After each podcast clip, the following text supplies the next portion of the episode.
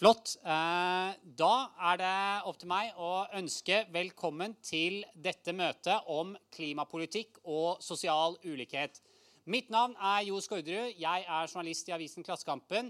Og jeg skal lede oss gjennom dette møtet, som er i regi av Litteraturhuset i Trondheim.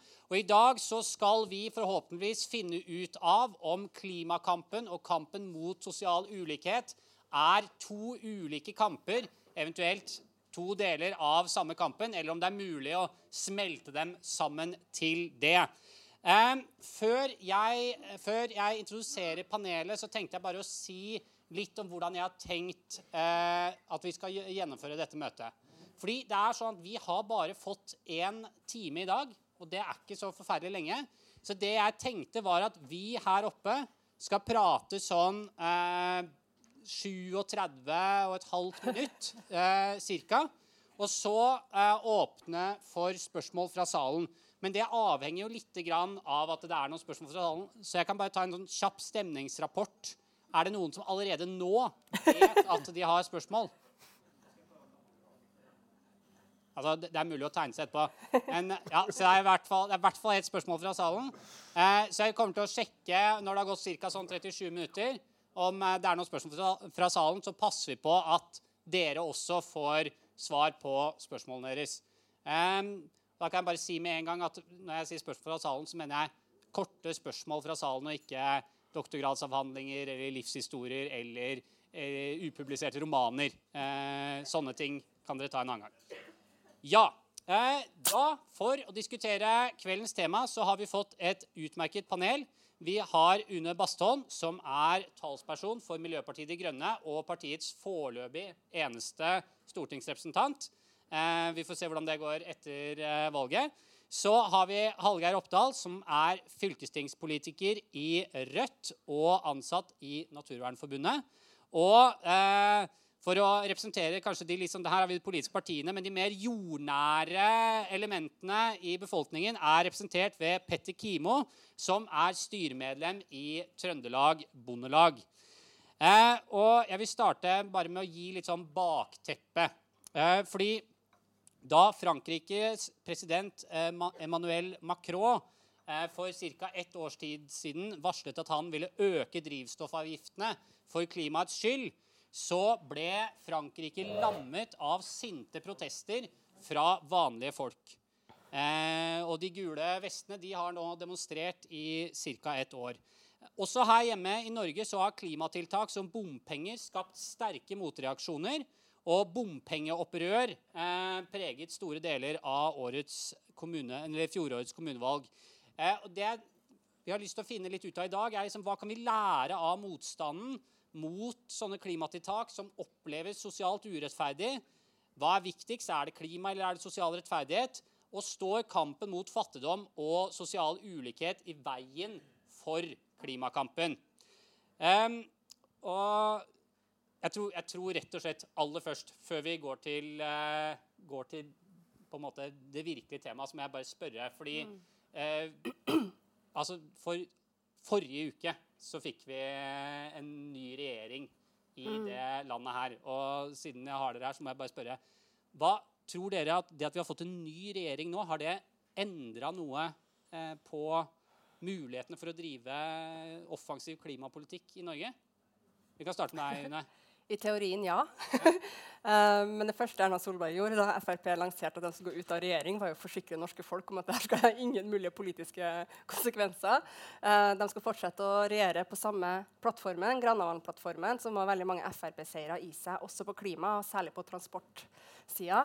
Uh, så så langt så ser det jo mørkt ut. Men jeg mener også at mye avhenger av Arbeiderpartiet. Om de klarer å bruke sin rolle som opposisjonsparti til å gjøre seg lekker for den delen av regjeringa som faktisk ønsker eh, å ta, ta, Norge i en litt grønnere retning. i hvert fall. Eh, men noen sånn revolusjon, altså en endring som vi for mener skal til, det får vi jo ikke innenfor denne stortingsperioden.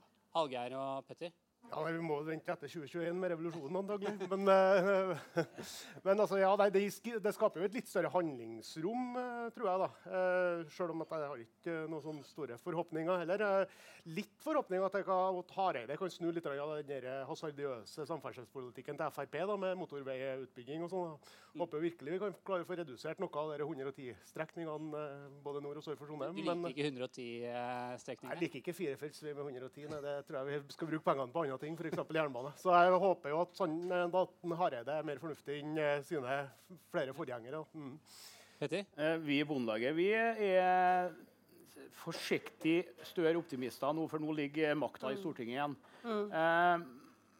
Eh, det, det, har jo vært et kraftig kjør i landbruket. der at Vi må ta ut våre lønn og lønn i form av eh, uttak på, i markedet. Og det har jo ført til at vi presser mer ut av hvert dyre eller, eller kornåkeren hva du produserer, for å få mest mulig ut av det. Vi ønsker oss litt mer tilbake til eh, overføringene, så vi kan drive mer i tråd med, med, med naturen. Så, eh, for å forklare det grovt. Og det er en større mulighet nå eh, når eh, Frp er ute av regjering. Eh, makta er tilbake i Stortinget. Det virker som at Frp er skikkelig sur og har lyst til å ta omkamp på omkamp. Eh, og og det, Vi har øyne håp i en par saker der allerede som eh, vi får se på. Eh, kanskje ikke de her er like fornøyd med det, de omkampene, men eh, vi får se hva det blir til. Supert. Eh, publikum får bare til meg den lille digresjonen, men det er journalisten i meg som må innom de, de, dagsaktuelle temaene. Men da skal vi tilbake til eh, kveldens eh, hovedtema. fordi leder i Hallgeir sitt parti, leder i Rødt, Bjørnar Moxnes, han eh, sa eh, etter kommunevalget og etter at eh, noen hadde jubla på valgvake at de elsket bomringen, så sa han at dersom de med dårligst råd får regningen for utslippskutt, så kan man få brennende bildekk i retur, som i Frankrike.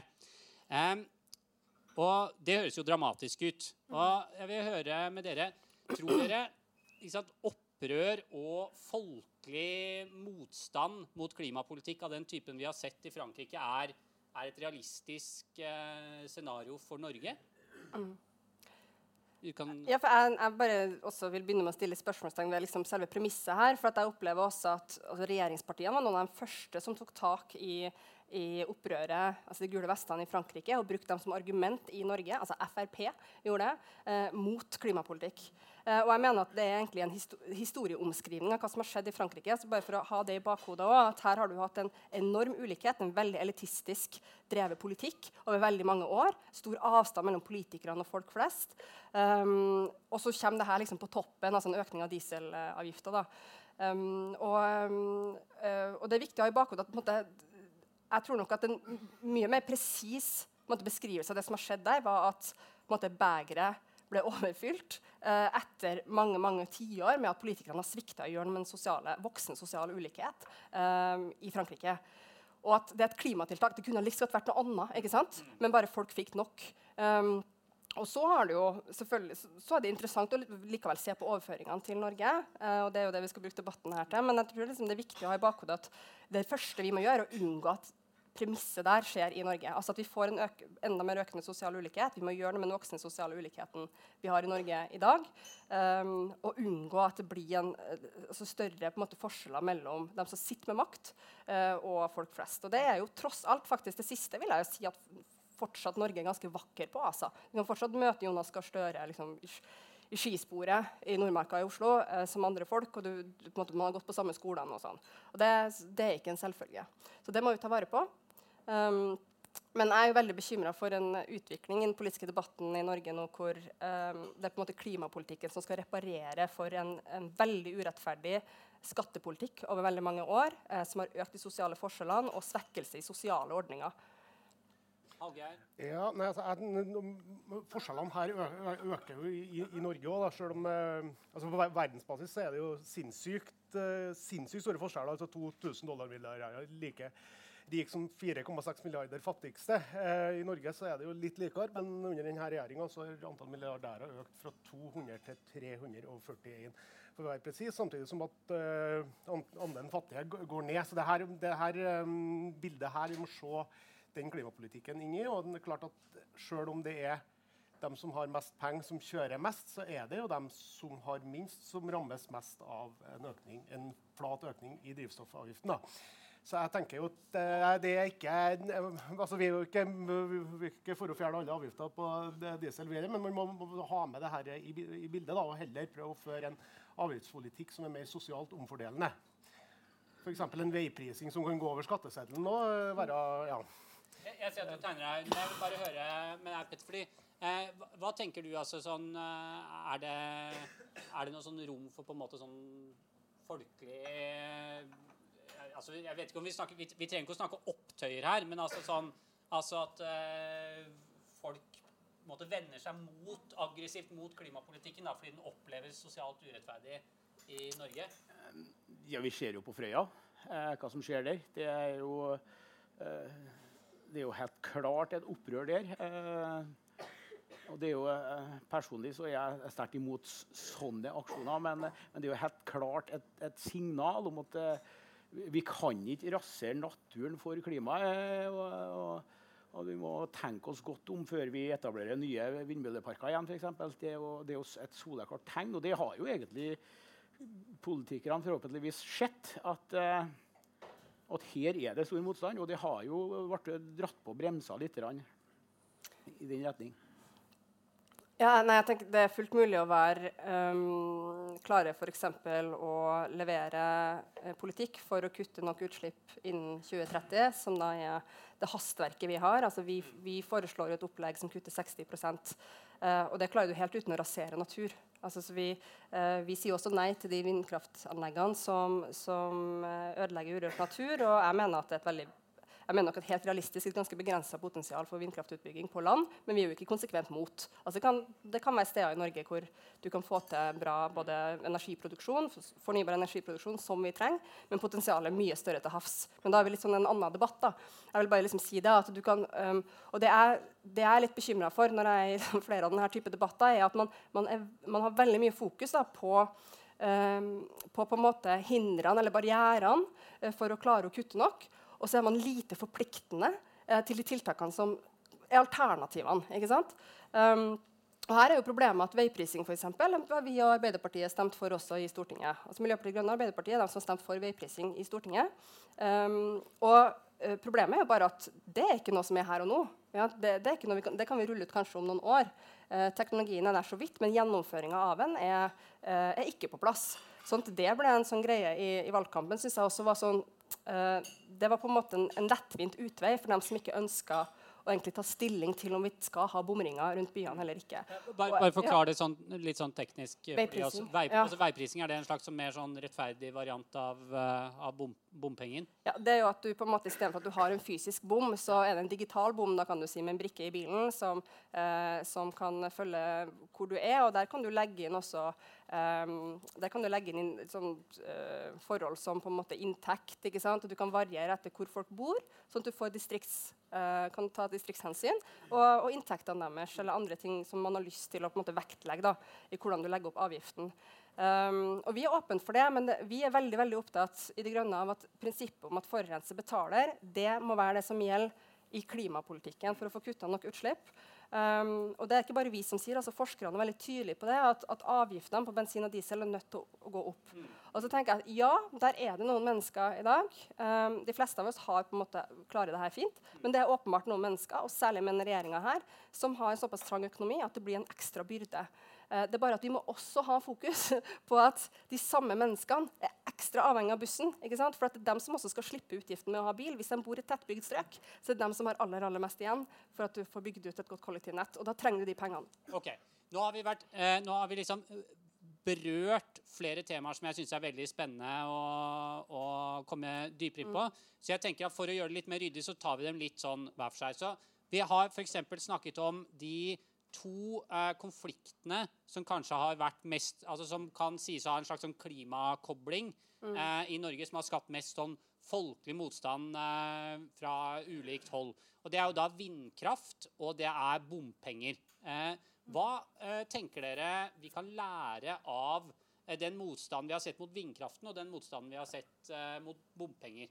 Eh, Ja, ja, ja nei, altså, jeg, tenker jo at man må, må, må tenke på nytt. Og, og, og så her, altså, det er jo det er jo forskning som viser det at dess mer penger du tjener, dess mer, du, dess mer klimagassutslipp har du. Jeg har satt og leste meg opp litt på det her, så det kan jo folk gå på nettet og se. For, men også, selv om tallene varierer, så er så, forskning ganske entydig på det.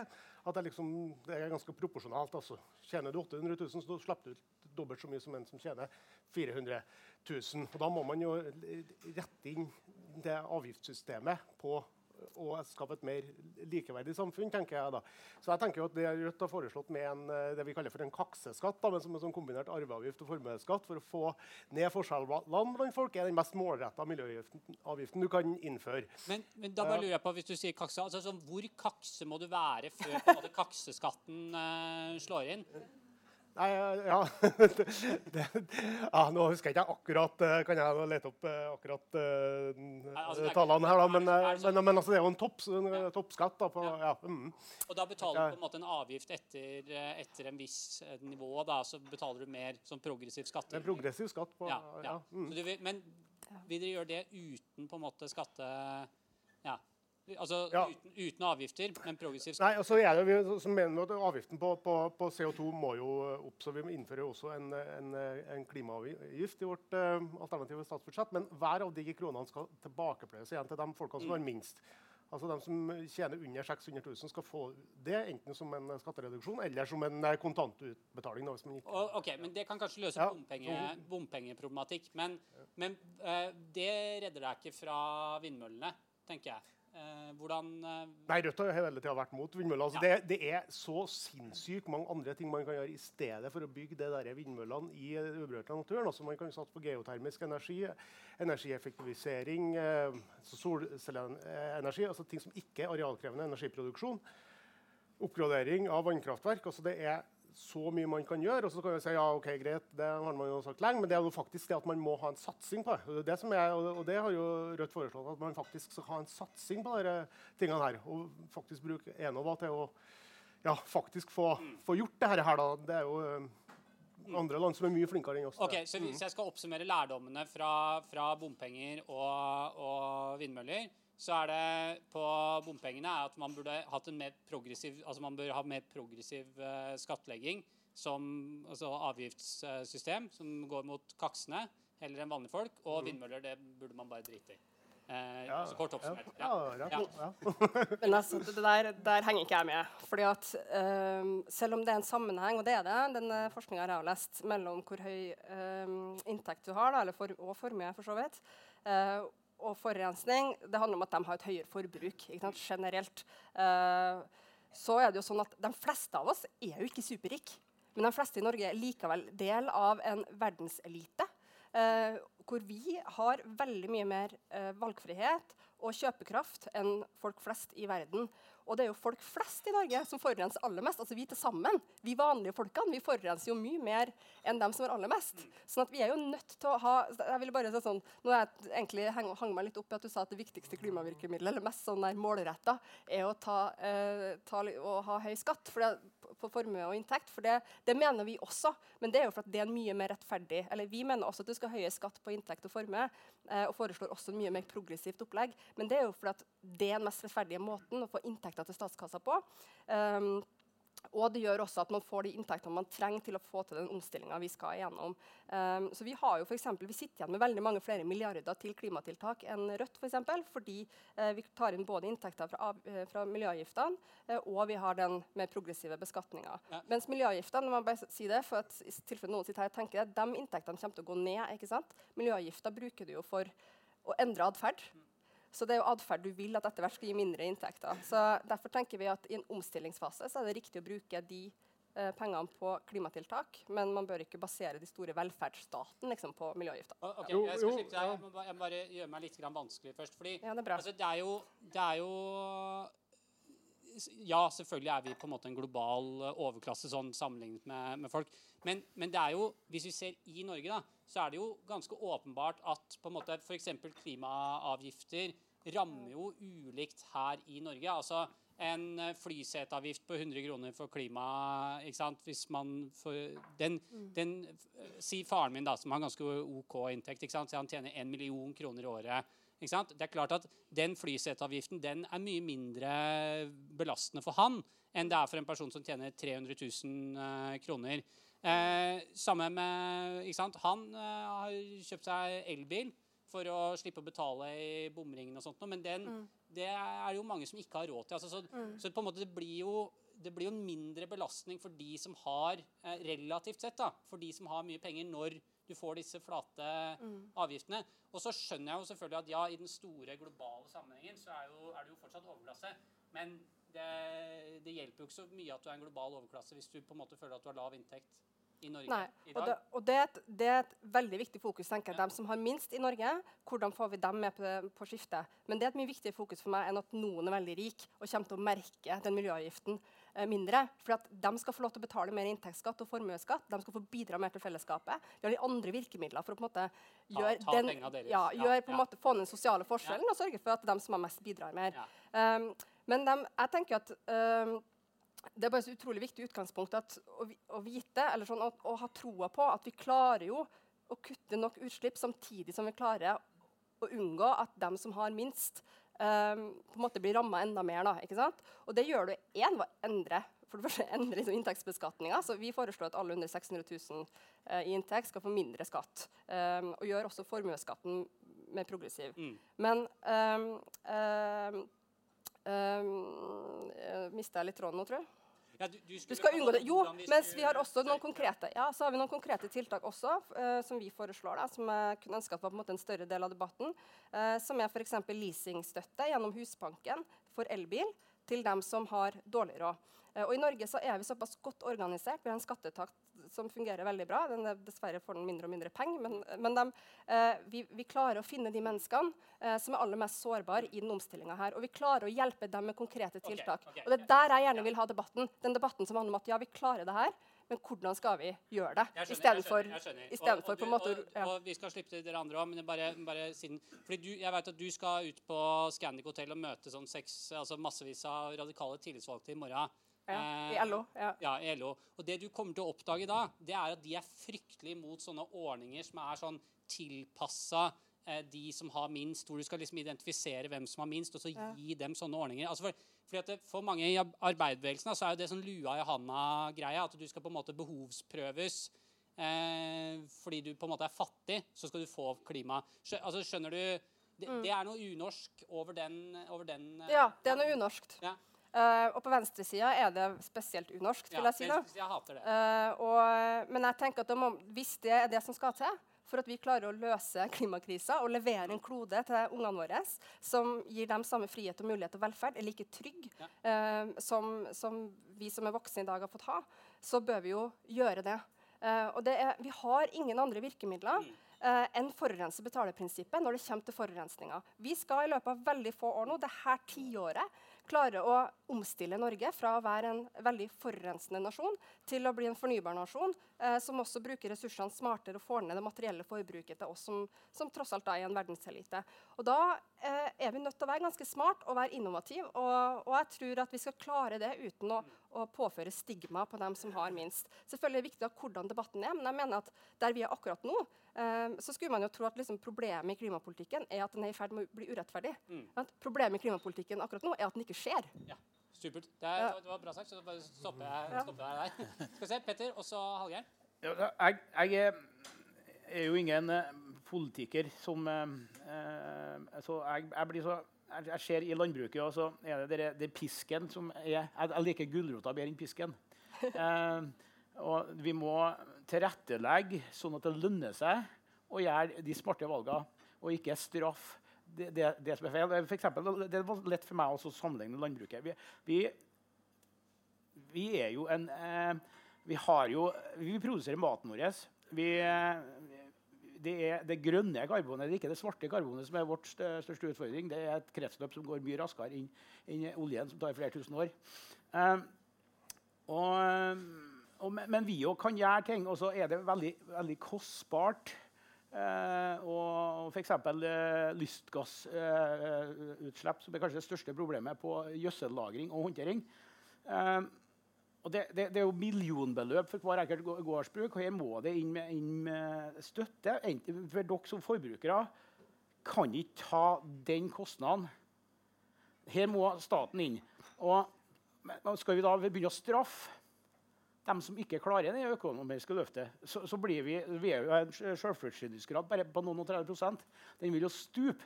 Men, men, det som, det, men, bare for å spørre, det som skjer da, vil det være at de små eh, brukene ryker, og så at det er de store, de som har på en måte kapital til å gjøre det, som blir værende? Er det det som skjer, eller er det bare at folk Nå er det veldig få faktisk som har kapital til å gjøre det. Eh, det er mye eh, bra som skjer. For så er det under planlegging et biogassanlegg oppå, oppå Støren. Kjempemessig. De tar ut, eh, du, du transporterer nattgjødsla dit. Eh, tar ut metangassen og omdanner til biogass. Bonden får tilbake den biomassen nøyaktig tilpassa med det næringsinnholdet du trenger ut fra jordprøver. Det er jo et kjempe klimatiltak. Det må jo støttes. Og da, da kan vi ikke drive og straffe dem som ikke har råd til å være med på det. Så de som kommer utafor, da. da. da. kan vi ikke straffe dem som ikke har mulighet til å være med på det. Mm. Altså. Ja, nei, altså, jeg, jeg tror på at vi må gjøre mer enn bare denne skatter og avgifter. Altså, vi må faktisk ta, ta, en styring her og legge om for en grønn, uh, grønn omstilling. Altså, det er jo, var jo forresten Tirsdag så var jeg jo på Kværner på Verdalen. og Der er det jo den største verftet eller mm for uh, understell til oljeplattformer. Ja. Men de kan jo like så gjerne bygge understell til havvind, men må jo, oppdragene må jo ja. finnes for det. Så det, der må vi jo, altså Staten må, må være aktiv i en grønn omstilling. Og så skal man jo gå bort fra uh, plasser, arbeidsplasser i Nordsjøen. altså Oljerelaterte arbeidsplasser er vel sånn et uh, par hundre tusen. Så må jo de ha en jobb å gå til. Og da tenker jeg i hvert fall det å styrke norsk industri og ikke legge opp en, eh, til, en, eh, til en, eh, en, storstilt krafteksport, eksempel, som vil gjøre strømmen dyrere, det vil jo i hvert fall ikke gagne miljøkampen. da. Ja, det ble plutselig inn på enda et tema, men jeg skal prøve å holde, holde meg igjen der. da. Men um, Det jeg og Hallgeir er enige om, er jo at um, vi trenger en mye mer aktiv stat i næringspolitikken. Uh, og det for vår del handler ikke om at staten må inn og eie veldig mye mer, men den må bruke for der vi har statlig eierskap, mye bedre. Uh, og vi må bruke Uh, muligheter vi har gjennom f.eks. å levere risikokapital, da, som er viktig for bedrifter idet de har funnet en ny teknologi som uh, kan være med å redde verden litt, grann, uh, og skal inn i et marked, så er det ofte en sårbar fase. og der er det veldig mange det er bredt næringsliv egentlig som sier at her er vi for dårlige i Norge. og Derfor er vi dårlige på innovasjon også, for det blir for stor personlig risiko da, for dem som Eh, eh, de som særlig mellomstore bedrifter da, som Oi, hei. Ja, De er kjempeskumle, de bordene. Ja, det var veldig eh, Som skal ut og på en måte ja, eh, hjelpe oss å finne gode løsninger for, eh, for en grønn framtid. Um, jeg vil bare si også at landbruket er Jeg ser um, Jeg syns uh, uh, lurer på hvor jeg skal starte her. Men altså, landbruket er jo veldig annet for meg noe veldig annet uh, måte du må håndtere utslippskuttene der enn i transporten f.eks., hvor vi alle sammen er på en måte enkeltindivider som bruker den enkelte bilen vår. Også varetransporten, uh, som er organisert på en helt annen måte, kan du bruke andre virkemidler på enn persontransporten. Landbruket har jo uh, og det vil jeg altså faktisk si, det er ikke sikkert jeg så at jeg skulle si det, men landbruket, med regjeringa her har fått litt sånn u, veldig ufortjent stort ansvar for å kutte utslipp. Um, i hvert fall var det, så det sånn ut i en fase at Man skulle legge på veldig høye uh, krav til utslippskutt uten egentlig tanke på hva som skjer da med matsikkerheten og selvforsyninga i Norge uh, dersom det betyr at bruk må legges ned. Og grunnen til at jeg sier Det er at det har kommet samtidig med at du har hatt en landbrukspolitikk i mange år nå med Frp som har vært uh, på en måte hatt som mål at landbruket skal styres mer og mer som et, liksom, en spikerfabrikk, da, som alt annet marked. Um, og det er jo helt sånn som du sier, at på en måte gjør dersom på en måte, inntekta skal komme fra pris, altså fra det du selger, og ikke gjennom støtten, så er det jo de store som sitter igjen med mest. Og det er utrolig skadelig for selvforsyninga og matsikkerheten. Så det er sånn landbrukspolitikk, folkens. det er egentlig noe som burde vært en sånn eh, Jeg prøver å prate om matpolitikk, da, ikke landbrukspolitikk, for at folk blir litt sånn redd for at det her er noe teknisk og sånn. Men det er en utrolig, utrolig viktig del av den omstillinga vi skal gjennom, og sørge for at vi får et enda mer spredt og robust landbruk. Eh, mye av måten man kan Jeg tror jeg bare stopper Gjør det, ja. Det er greit, ja.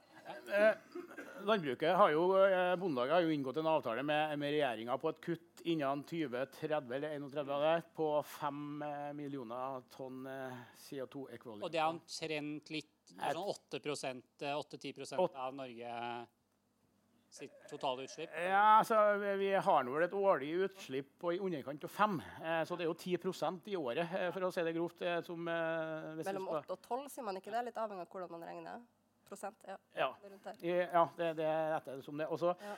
er det jo den avtalen er det, det, det som er bra for oss, da, som vi føler som en seier, det er jo at vi også tar inn karbonbinding i den avtalen. Og så er det jo visstnok skrevet, jeg husker ikke ordrett, men det, det skal ikke avgiftsbelegges eh, med matproduksjon. Eh, og det, det er jo veldig viktig. for Da ender vi opp med ingen verdens ting av løsning, annet enn at dere får dyrere mat. Eh, vi må, vi må se, Landbruket kan være en, en av nøklene i det mm, grønne skiftet. Karbonbinding i jord, f.eks. Få inn forsknings- og utviklingsmidler på de områdene der, og vi, får gode resultater. Bonden tjener bedre, og det kan resultere i mer effektivitet. Og det kan bli eh, en billigere matpris for dere, selv om dere har faktisk Europas billigste mat. Ja.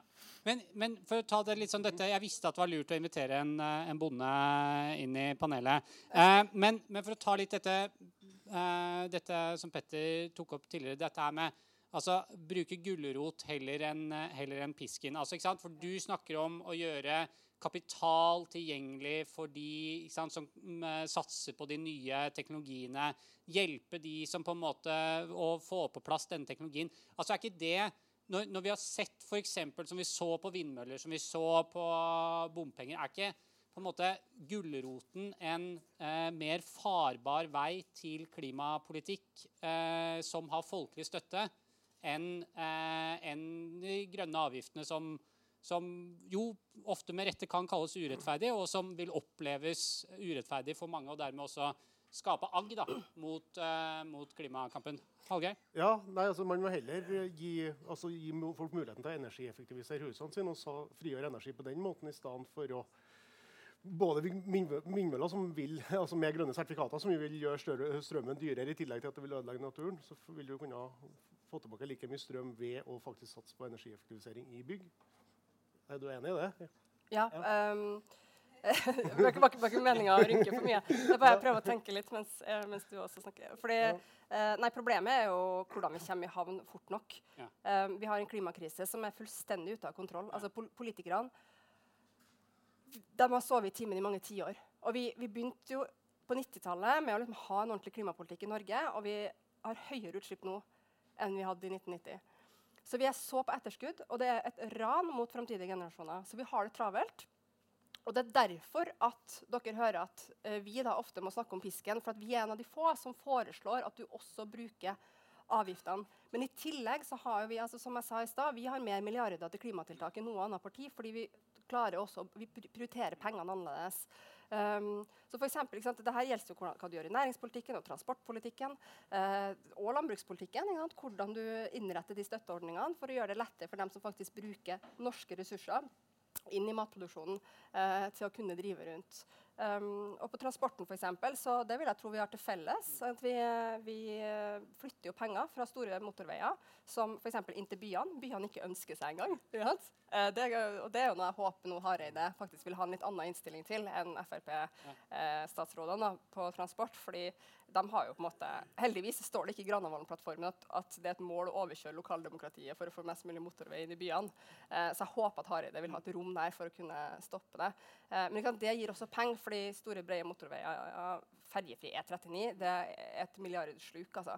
Så det er jo en del sånn, det er omprioriteringer der som må til, men, men vi kommer ikke i havn. Altså det, og der er, der er klimaforskerne helt ja, Jeg er ikke så glad i den pisk og fordi altså, men som jeg er journalisten, da jeg, sant, Ja. jeg må bare tenke liksom, Men så pisk kommer til å være en del av, eh, Men idet du sitter i en bil, så er en avgift er bomringen en pisk. Men idet du går ut av bilen og skal ta bussen videre, eller du skal ha ungen din trygt til skoleveien, så er det også en gulrot. ikke sant? Fordi du får noe for det også. Ok, ja.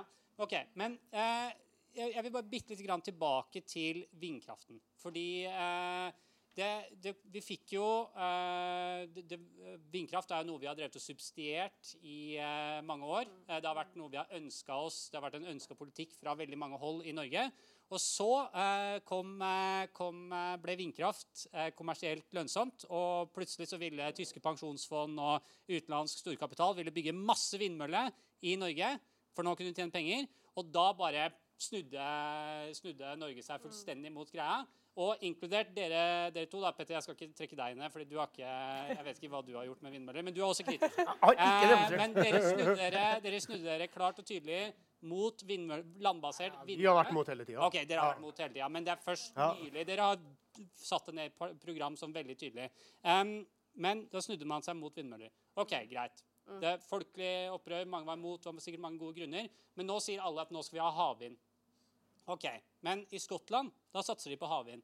Eh, og fiskerne der og lokalbefolkningen der er pissure og sier at dette er helt forferdelig, og havvind er helt på trynet, og roper til norske, norske kystsamfunn sier nei til havvinden. Hva hvis, da?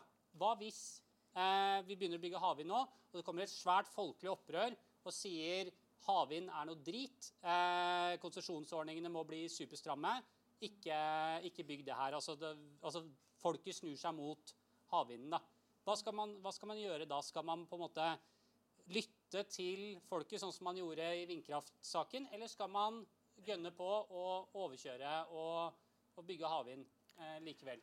Ja, dette her gjelder jo også da, selvfølgelig dette er, dette er, et eksempel på også andre typer sånn gigantiske solcelleparker eller andre former for ting vi vil ha, men hvor folket liksom snur seg mot det, da, selv om det egentlig er bra.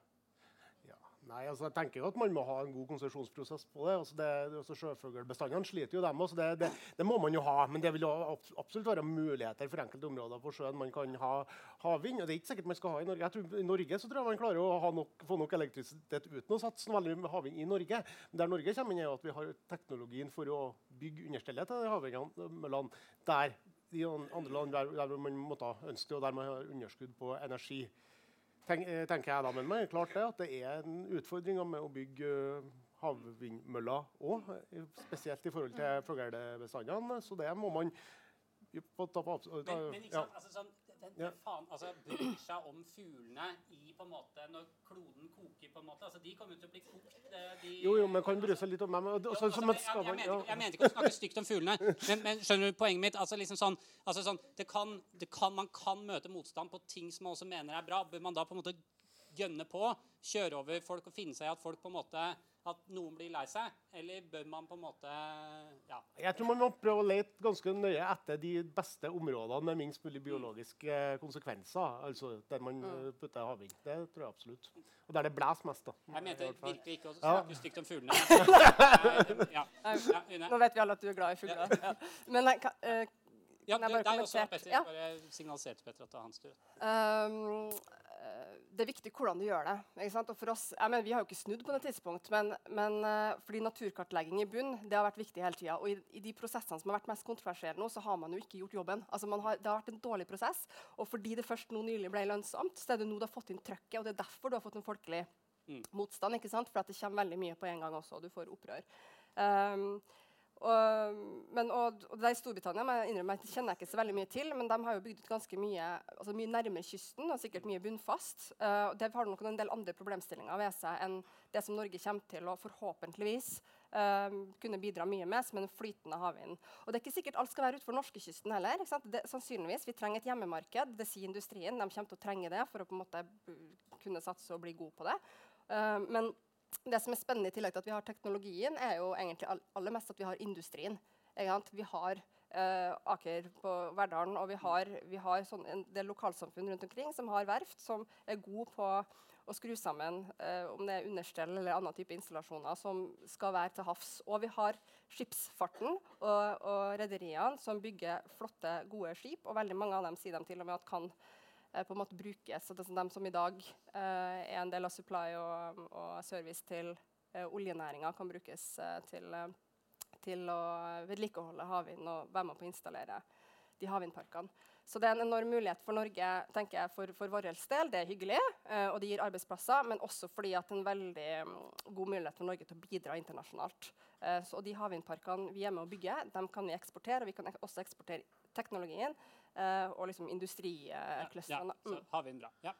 Altså, jeg vil jo utfordre en, en stortingspolitiker på det at vi skal ikke bli litt mer edruelig i, i størrelsene f.eks. på en vindmøllepark. og, og jeg kan ikke sette tall på det, men f.eks. Eh, få støtte til energiproduksjon. Eh, nå, nå, er jeg gårdbruker, og da blir du litt eh, fokusert eh, på, på, det. Men ute i distriktet så har vi mye områder. Vi kan på begynnelse nå. Kjempeeksempel. En bonde har satt seg opp ei vindmølle, han har solceller, og han lagrer Um, er omdanning til hydrogen. Uh, hydrogentank. Helt selvforsynt på to gårder. Han driver to gårder. Helt selvforsynt. Hvis vi får flere sånne anlegg, og så leverer en overskuddsstrømmen uh, Det er hydrogen som lagrer og omdanner strøm når det ikke er vind. og sånn. Og, det, det, kan en levere på nettet når en får overskudd. Og hvis vi får mange nok, nok sånne, så blir jo behovet for de store vindmølleparkene mindre, og da blir de ikke så massive. og så Det blir ikke i nærheten av samme naturinngrepet, og vi får strøm. Og så er det jo, som han nevner, utnyttelse av de gamle vannkraftverkene. Det er jo en kjempepotensial der. Supert. Jeg stopper her. Veldig kort. Uh, Korte svaret er at ja. det er kjempebra for den lokale energiproduksjonen. Men når vi snakker om store energiforsyninger og industrien Norge kan bidra med til omstilling av Europa, så er det en annen kapittel, og det er der den flytende havvind kommer inn. Da. Så det er forskjellige behov. Mm. på en måte. Mm. Nå, jeg, jeg, har blitt engasjert, så jeg har brukt uh, mer tid enn jeg burde. Men jeg har to korte spørsmål før vi, før vi slipper til publikum.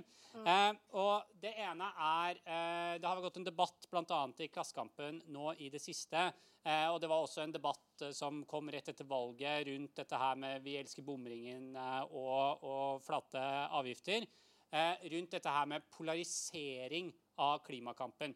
Så I våre spalter så er det flere som har skrevet en kronikk hvor de hevder at eh, forskning tilsier at klimakampen har godt av polarisering. Altså harde mm. fronter, hardt mot hardt, eh, grønn mot grå. Eh, og vi bør, vi bør, på en måte Hvis vi får klima, dess hardere klimakampen står, på en måte, dess mer polarisert den er, dess på en måte bedre er det. Hva tenker dere? Er vi tjent med polarisert klimapolitikk, eller skal vi prøve å finne liksom breie, kanskje ikke alltid de kompromissene vi, vi ønska oss? Ja, nei, altså, jeg, jeg, ønsker jo en minst mulig polarisert klimadebatt. eller også i hvert fall i forhold til det med at det liksom er en klimastreikende ungdom står mot vindkraftmotstander. Altså, det er egentlig mener jeg, en del av den samme kampen for å ta vare på livsgrunnlaget på, på jorda. her, så det må man der tenker jeg Man må prøve å søke at det blir, en, blir allianser mellom, mellom, folk, og ikke skape splid der. Der eh, polariseringa bør være, er jo nettopp mot den nevnte eliten av folk som bruker aller, aller mest. Og det er jo der vi må altså, Jeg er litt uenig med altså, det, bare et, et, et, et, eksempel her. Da, altså, den samla privatjetflyflåten i USA bruker like mye som hele Burundi. slipper ut like mye som hele Burundi. Altså, ett privatfly fra han Reitan slipper ut 500 tonn CO2 i år året. Så det er liksom det der polariseringen okay. må gå. Vi vil ha ja, polarisering jo. mellom liksom det breie folket og, og, eliten, også i klimakampen, men er der den bør ja, være. Den økonomiske eliten, ja, som faktisk er de som fører oss mest. eliten og, og, resten. OK. Eh, Une, hva tenker du?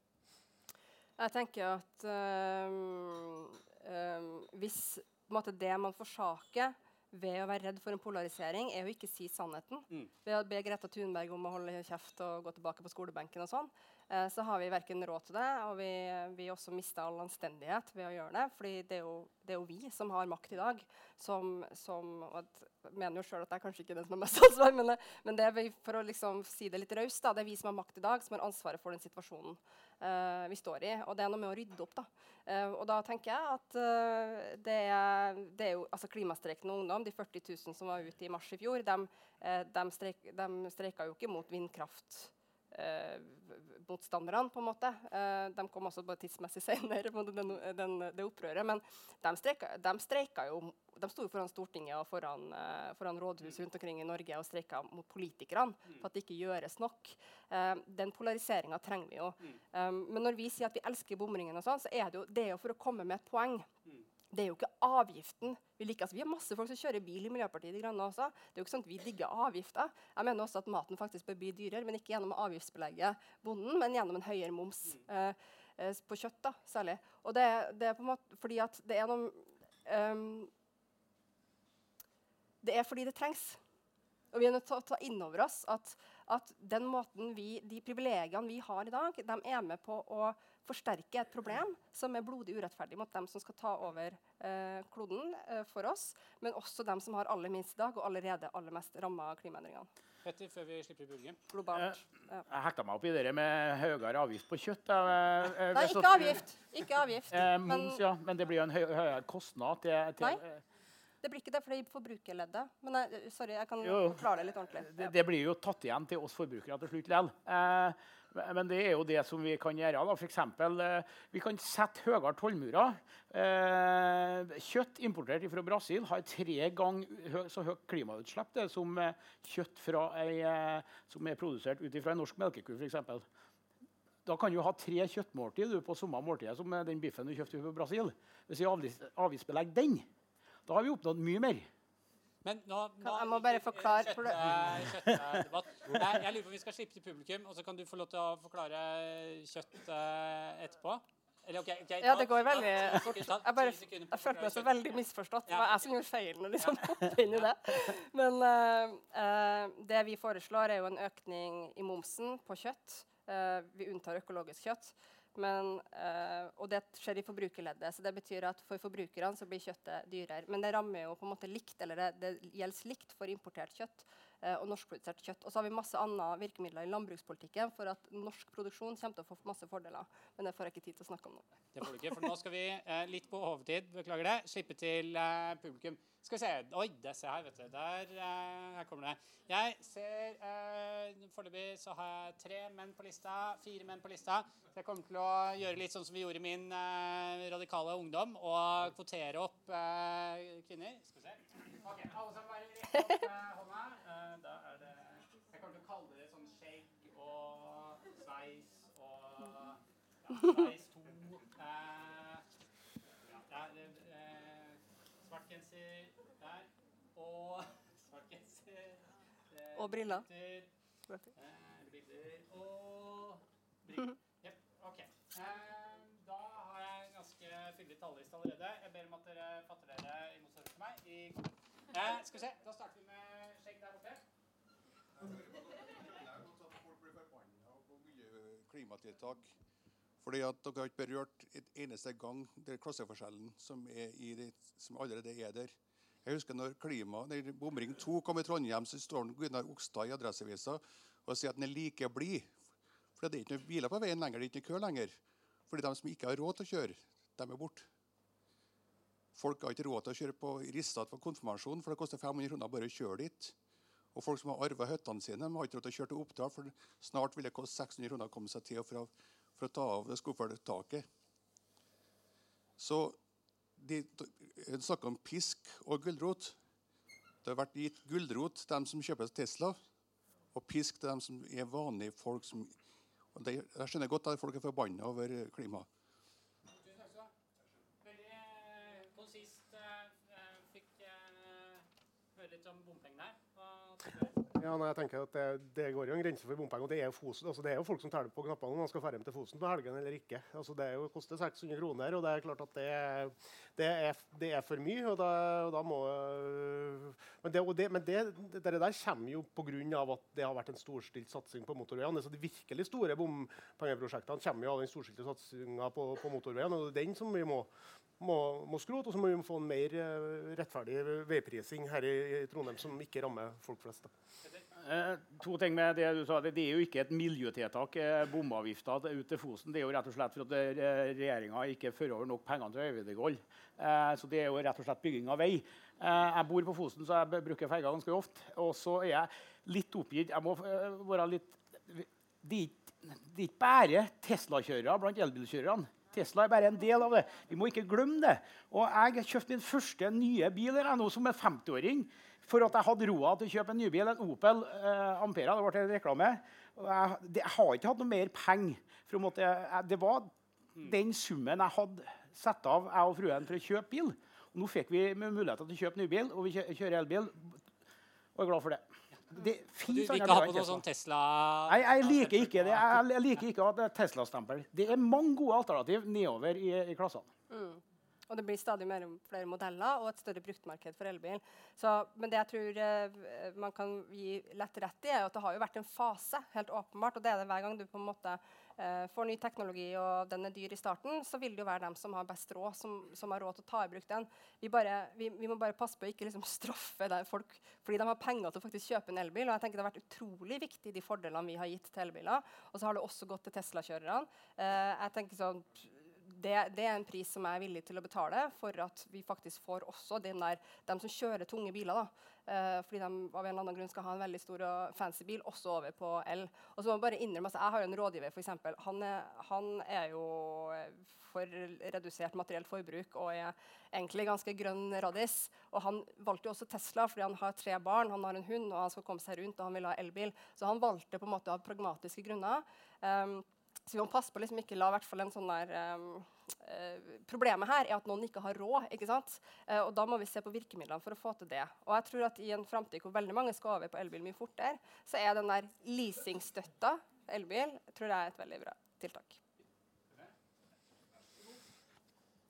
Det er en eh, studie på et finsk universitet som heter LUT. Som, eh, en studie i Finland fra universitetet LUT som viser at hvis vi går bort fra fossil energiproduksjon til fornybar, så fjerner vi klimaproblem. Det blir lavere energikostnad, og det skapes flere jobber. Eh, Så hvorfor gjør vi ikke det? Da har det noe med mot og vilje kanskje både hos folk og politikere. Så hvordan klarer vi å snu det? Eh, bare, bare for å spørre, Mener du at den studien sier at i Norge så vil vi få flere, kunne få flere jobber innenfor fornybar annen energiproduksjon enn det vi har på en måte i, i olje- og gasstilknytta næringer i dag? Hele verden, ja. Nettopp. nettopp, hele verden, ja. Panel? Une? Det er mitt yndlingstema, så pass på det. ikke snakker for lenge. Og det handler om, ja, jeg skal prøve å være kort. Det handler om politisk vilje. Um, det er et veldig sentralt spørsmål i vår tid. Hvorfor klarer vi ikke å gjøre mer? Eh, jeg mener, og det har jeg og tenkt noen ganger når du har sagt folkelig opprør, så har jeg tenkt sånn, hva er det folkelige opprøret?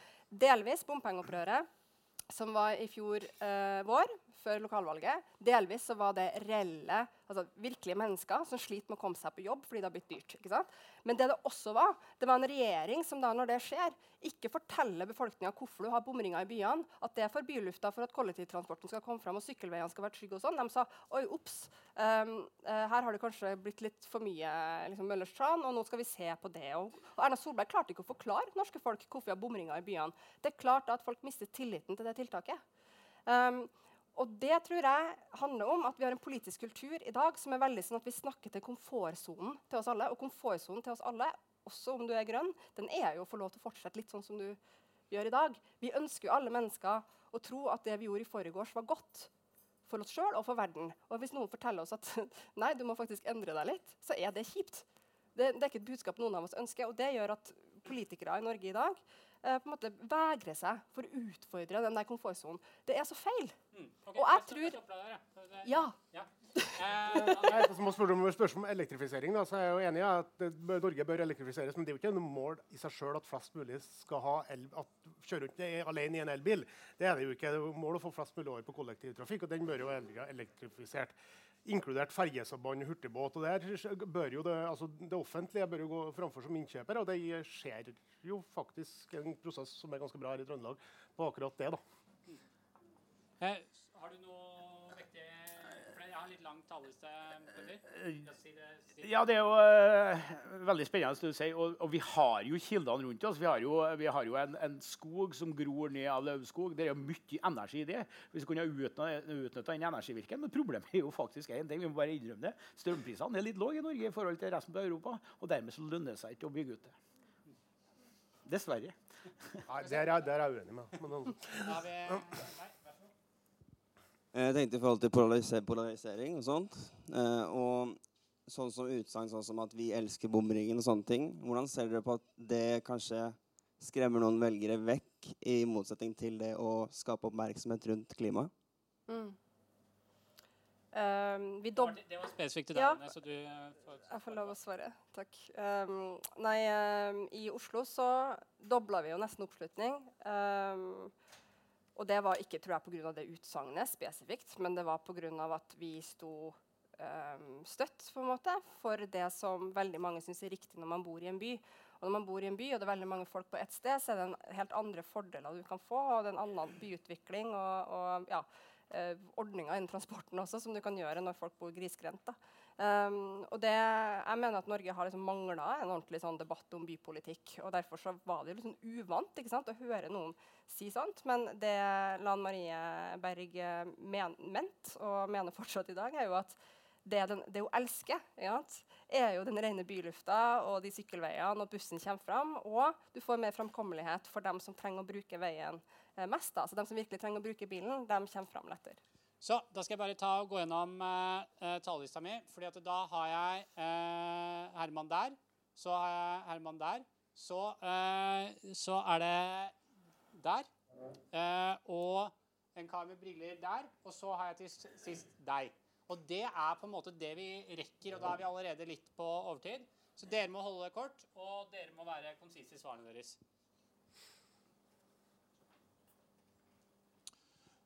Ja, det er en ting som undrer meg, og det er at jeg får inntrykk av at alle dere som sitter her, har gitt inntrykk av at det trengs mer produksjon av energi i Norge for å fase ut fossil energi. Og det er jo, eh, det er jo helt feil. Vi har jo et stort stor overskudd. Det er jo ingen begrensning eh, av det vi har til rådighet av elektrisitet. Vi har overskudd. Og det andre er jo det at eh, det gis inntrykk av at når du bruker strøm til ferie, elektrisk ferje eller elektrisk bil, så kalles det utslippsfritt. Og Det betyr jo nærmest sånn at da kan du bruke så mye strøm du bare vil, for det har ingen konsekvens. Mens eksporterer vi det, så sier vi at vi skal Eller jeg sier ikke det, men altså, det er jo noen som sier at eh, eksporterer vi, så erstatter vi kålkraft.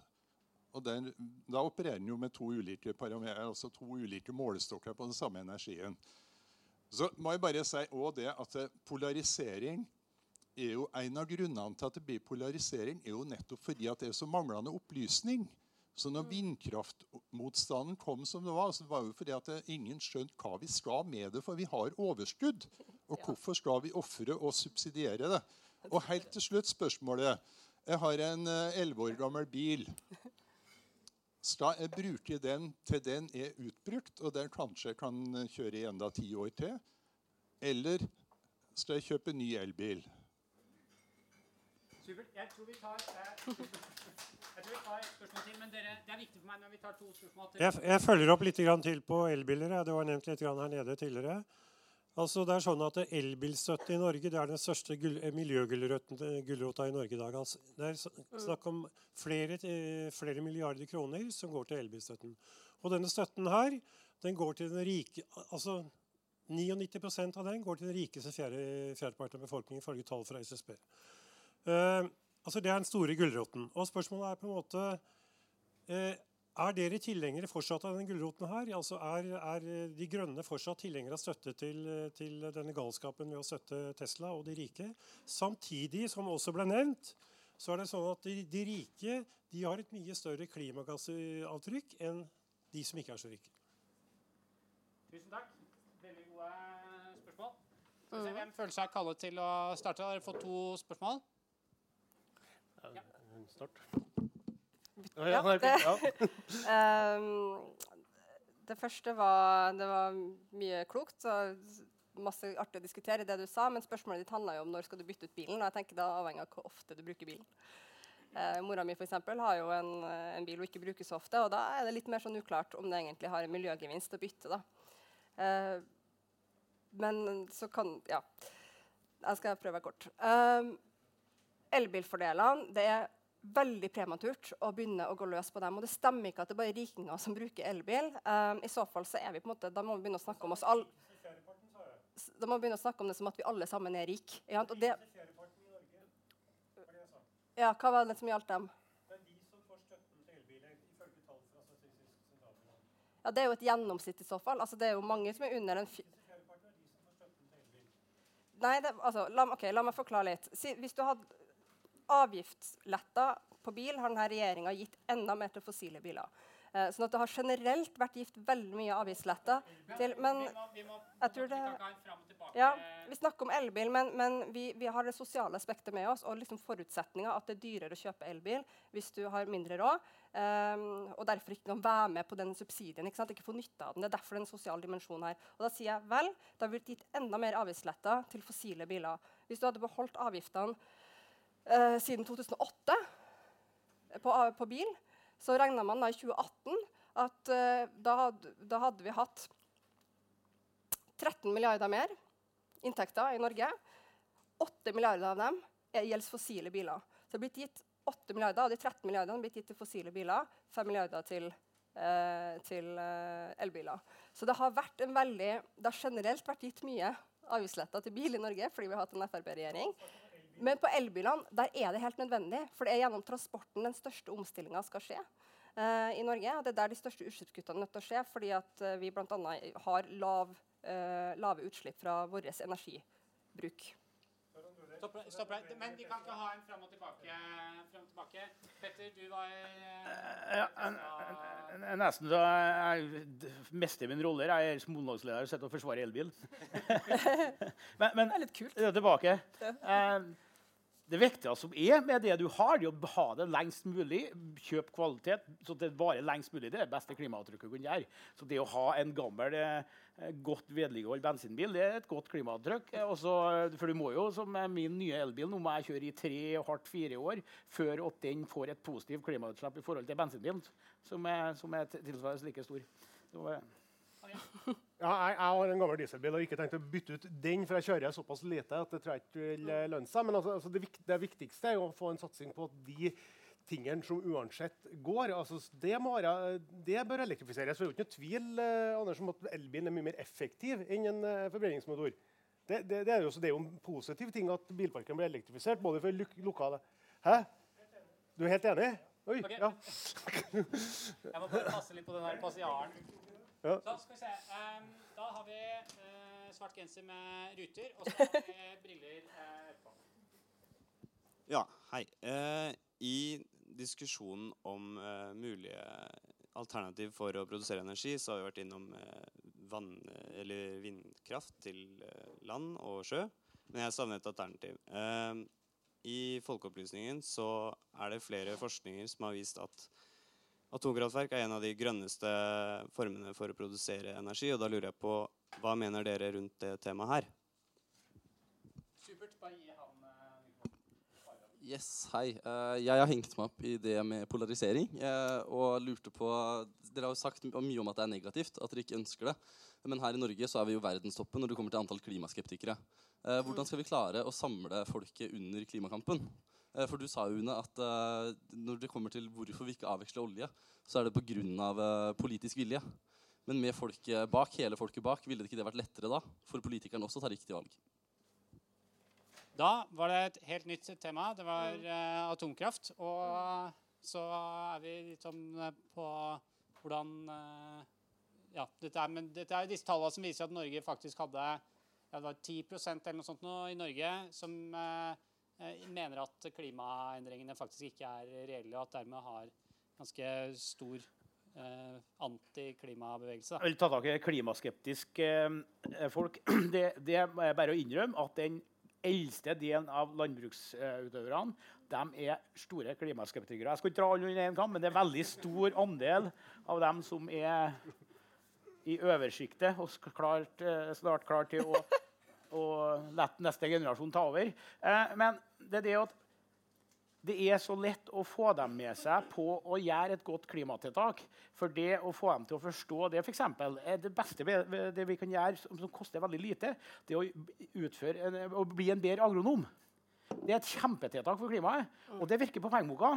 Og da lurer vi dem med på å å gjøre gode klimatiltak. Så du trenger rett og slett ikke at de De trenger ikke å skjønne det. Være overbevist for å Nei, de ser det på pengeboka, og da, da har de gjort et godt klimatiltak. Det er jo litt det samme med de Tesla-kjørerne. Det er jo noen som bare gjør det for å ha en kul bil. ikke sant? Ja. Det er Kutte utslipp. Men det blir ikke stor forskjell på klimautslippet om, eh, om du syns det er kul bil eller ikke. Nei, ikke sant? Um, uh, atomkraft er, um, uh, er det ikke noe marked for. Uh, vi har, Sverige og Tyskland gjør alt de kan for å slutte med atomkraft. Eh, så det ville vært på en måte eh, veldig rart for Norge å begynne med det, fordi vi er en del av et nordeuropeisk energimarked. Eh, vi har kraftoverskudd alene, så nå, liksom, poenget med å bygge ut mer fornybar energi eh, på norsk sokkel eller være med å bidra til den industrien internasjonalt, er jo for å kutt, være med å kutte utslipp også andre steder. Eh, så det er egentlig på en måte, Og den har en del baksider ved seg, da, uh, som er risikoen og avfallet du skal håndtere. og sånn. Um, polarisering Jeg tenker, jeg har vært innom det noen ganger, men, men uh, altså, jeg ser jo polarisering langs mange akser. Jeg må innrømme faktisk at På klima syns jeg ikke det er verst. Altså, vi har jo på en måte en, Nå blir det enda verre med Frp i full sving i Stortinget, tror jeg. da, En veldig polarisert debatt og mye splitt og hersk mellom by og bygd. Eh, mellom dem som er født i Norge og dem som har kommet hit av andre grunner og, og bosatt seg her. Um, og det er mye mer bekymra for det egentlig når det kommer til liksom, det å være samla som nasjon. Og, og vikst, det jeg tror er grunnen til at ikke den folkelige oppslutninga rundt klimapolitikken er enda større, det er politikerne sitt ansvar. Det er for at vi hele tida snakker om klimapolitikk som veldig vondt og vanskelig. Det innebærer fæle ting for en hvermannsen, og dessuten så skal det skje i EU, et helt annet sted. Det skal ikke skje her. Istedenfor å bruke engasjementet folk har for fellesskapet de er en del av, og, og den solidariteten de aller fleste av oss da, tross alt har med mennesker i andre deler av verden, um, så går vi på en måte, vi tror ikke egentlig på at folk vil endre seg, selv om de svarer det i undersøkelser. To tredjedeler sier at de kunne ha redusert forbruket sitt til de kutter utslipp. Så la oss tro på det, da. Og la oss måtte, snakke til eh, engasjementet og samvittigheten til folk, eh, istedenfor å snakke til komfortsonen. Det tror jeg er en veldig viktig måte å få mobilisert flere. Altså, jeg merker at Det er to eh, debatter jeg har veldig lyst til å ta. Eh, som det er både den eh, atomkraftdebatten kunne jeg godt tenkt meg å bruke masse tid på. Og den EU-greia kunne vi også eh, det lover jeg vi kunne brukt eh, mye tid på. Men det skal vi ikke gjøre nå. Jeg vil, Hallgeir, vil vite hva Rødt mener om egentlig både atomkraft og polarisering. Ja, Det er programfestet at vi er mot atomkraft, og jeg tror uansett ikke det er noe aktuelt å ha det i Norge. Men også er det noen diskusjon som går i forhold til om vi skal forske og bra det er. Så vi vil ikke ta den. Så vi har programmet at det ikke er ikke det. Jeg tenker mer i forhold til den klimadiskusjonen som eh, er en, eh, altså, hvordan man unngår klimaskepsis. Og det, jeg tenker, jeg, jeg jobba faktisk med sånn eh, bygge murerfirma rundt når det ble sånn klimarevival forrige gang, som var det sånn rundt 2008. Og da var jo faktisk uh, veldig mange som da ikke hadde tenkt mye på klima før, ble veldig opptatt av klima. Men det de frykta, var jo nettopp det der med at det kom til å gjennomføre, bli gjennomført tiltak som folk flest kom til å tape på. da. Så jeg tenker jo at det, altså Vi må jo skape en entusiasme for å omstille samfunnet til noe bedre. Vi må bruke den muligheten vi har nå, til å faktisk lage et, et, et bedre samfunn, sånn at folk får det bedre i et, eh, et klimaomstilt samfunn.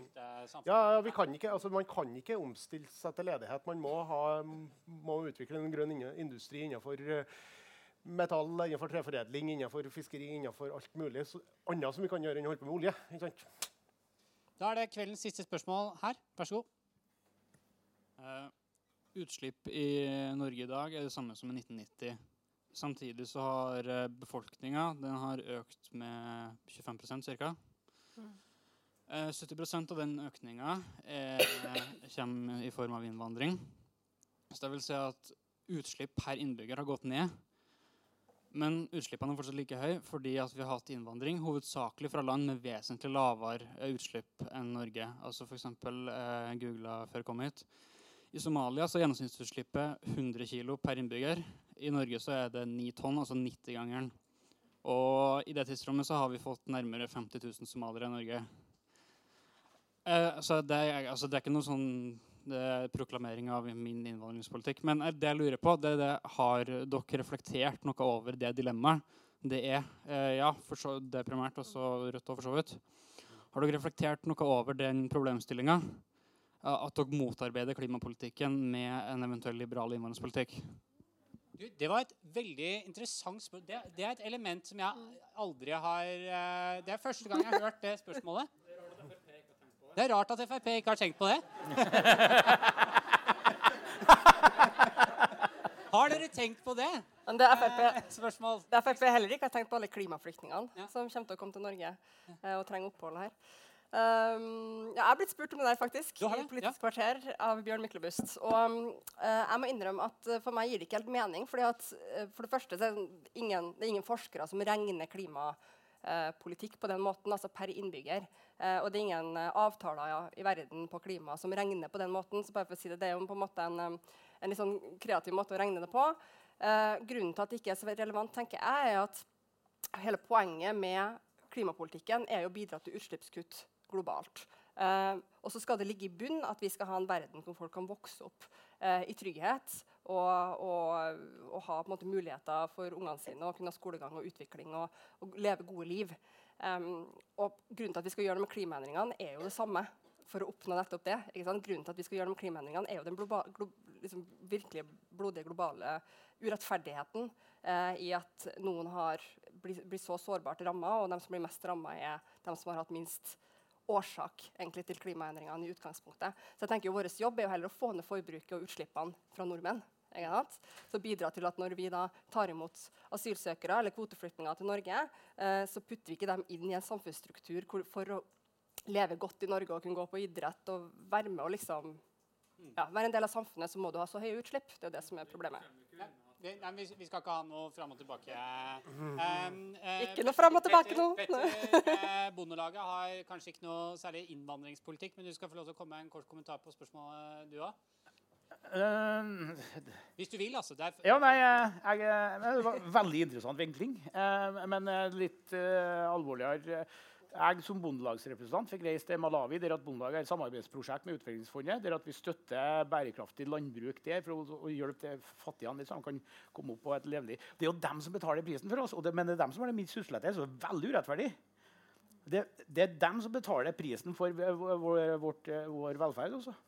Og det så vi. Eh, eh, det var, jeg var der i regntida. Det har ikke regna på en måned.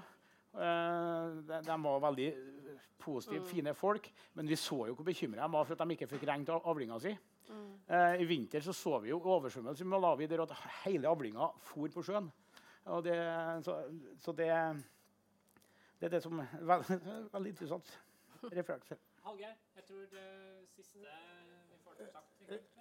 Ja, ja, nei, jeg jo vært i Malawi når det egentlig skulle være regntid. Men det var en, i hvert fall en digresjon. Nei, men jeg, tror, jeg, altså, jeg tenker at vi kan ikke Det, det blir litt for far out å, å tenke sånn. Altså, det, er vel, altså, det er jo ikke et mål om å holde eh, folk i evig fattigdom uansett. Altså, det Målet er jo å få, eh, få en utvikling også i, i, i utviklingsland. Så må jo det selvfølgelig skje på en, på en bærekraftig måte. Og så må vi jo ja, kan jeg se en tur til, og så ta dem som har slappet ut aller Men, mest. men nå skjedde det noe her. fordi at eh, Jeg pleier aldri å åpne talelister etter at, uh, etter at talerlisten har blitt stengt. Men vi fikk kveldens første kvinnelige spørsmål. Og det kan jeg ikke med god samvittighet. Så da blir det ett siste spørsmål eh, til panelet.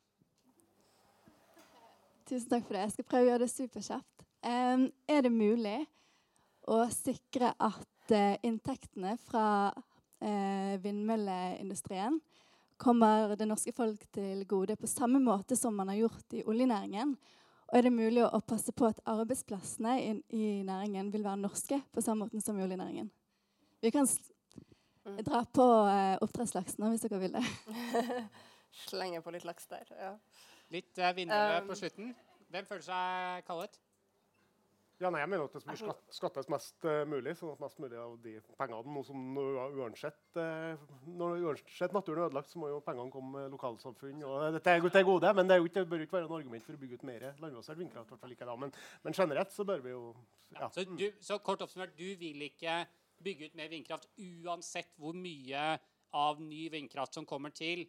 Eh, hvor, uansett hvor mye av inntektene fra det som går til lokalsamfunnet, så vil ikke du på en måte egentlig ha noe storstilt utbygging av, av vindkraft. Ikke landbasert vindkraft. Landbasert vindkraft. nei, Ja. Ja. Eh, enkel og grei avklaring. Hva tenker du, Petter? Og så Une helt til slutt. Ja. Vi ser jo det til en viss grad. Eh, vi har jo vindmølleutbygging på Fosen òg. Eh, jeg, er ikke, eh, jeg er jo kommunepolitiker i Indre Fosen òg, i tillegg, men, men det er Åfjorden som har den største inntekta der. Og det er jo åpna mulighet for å innføre eiendomsskatt på, på kraftlinja og, og kraft. Og Der har jo Åfjord kommune og muligens uh, Nye Ørland en vesentlig inntekt på. og De har skapa mye arbeidsplasser. I anleggsperioden, ja. Det Nei, men det er, er jo en, det er en del Det har blitt en del arbeidsplasser til Statskraft i vedlikeholds... Det, det, er noen titalls stillinger borti der òg. Så, så, inntekt til kommunen det er det. Når det først, men det forsvarer ikke utbygginga på det, det, det alvorlige naturinngrep som har skjedd der også. Mm.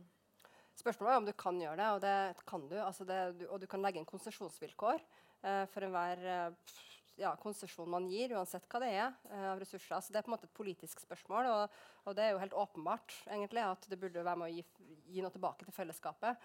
Um, det vi kan være litt bevisst på, da, som gjør at jeg på en måte ikke vil si sånn hurra med en gang, det er jo at med en gang du gir en kommune inntekter fra å bygge ut, så vil jo også kommunene hige mer etter å bygge ned natur. Og for oss så vil det være viktig også å ha, ikke i hvert fall lage mekanismer som gjør at du på en måte øker nedbygging av natur, men at du har på en måte et faglig grunnlag der som ligger i bunnen uansett. Så det, det, kan være et motargument. Men f.eks. til de havvindparkene som jeg snakker om, som er mye større industri, da, eh, flytende havvind, så, eh, så, er det jo åpenbart at vi må, vi må ha en Og det skal jo være selskapsskatt der også, det er jo inntekter som som vi skal få. Men det kommer aldri til å bli på samme måten som olja. da. Olja er jo liksom helt Det må vi bare ta inn over oss. Den er, den er unik. Vi kan alle være glad for den, og den alderen er snart over. Siste, Siste ordet der. Eh, da eh, skal jeg snart takke av eh, panelet. Men jeg vil si at kanskje jeg vil beklage Jeg vil takke publikum for veldig gode spørsmål. Gode innspill fra salen. Jeg vil beklage at vi gikk litt over tida. Det er ene og alene min feil. Og så vil jeg nok si at oppsummeringa øh, Hvis jeg skal komme med en slags oppsummering, så er det at åpenbart at klima og, og altså sosial ulikhet er helt åpenbart ikke én diskusjon.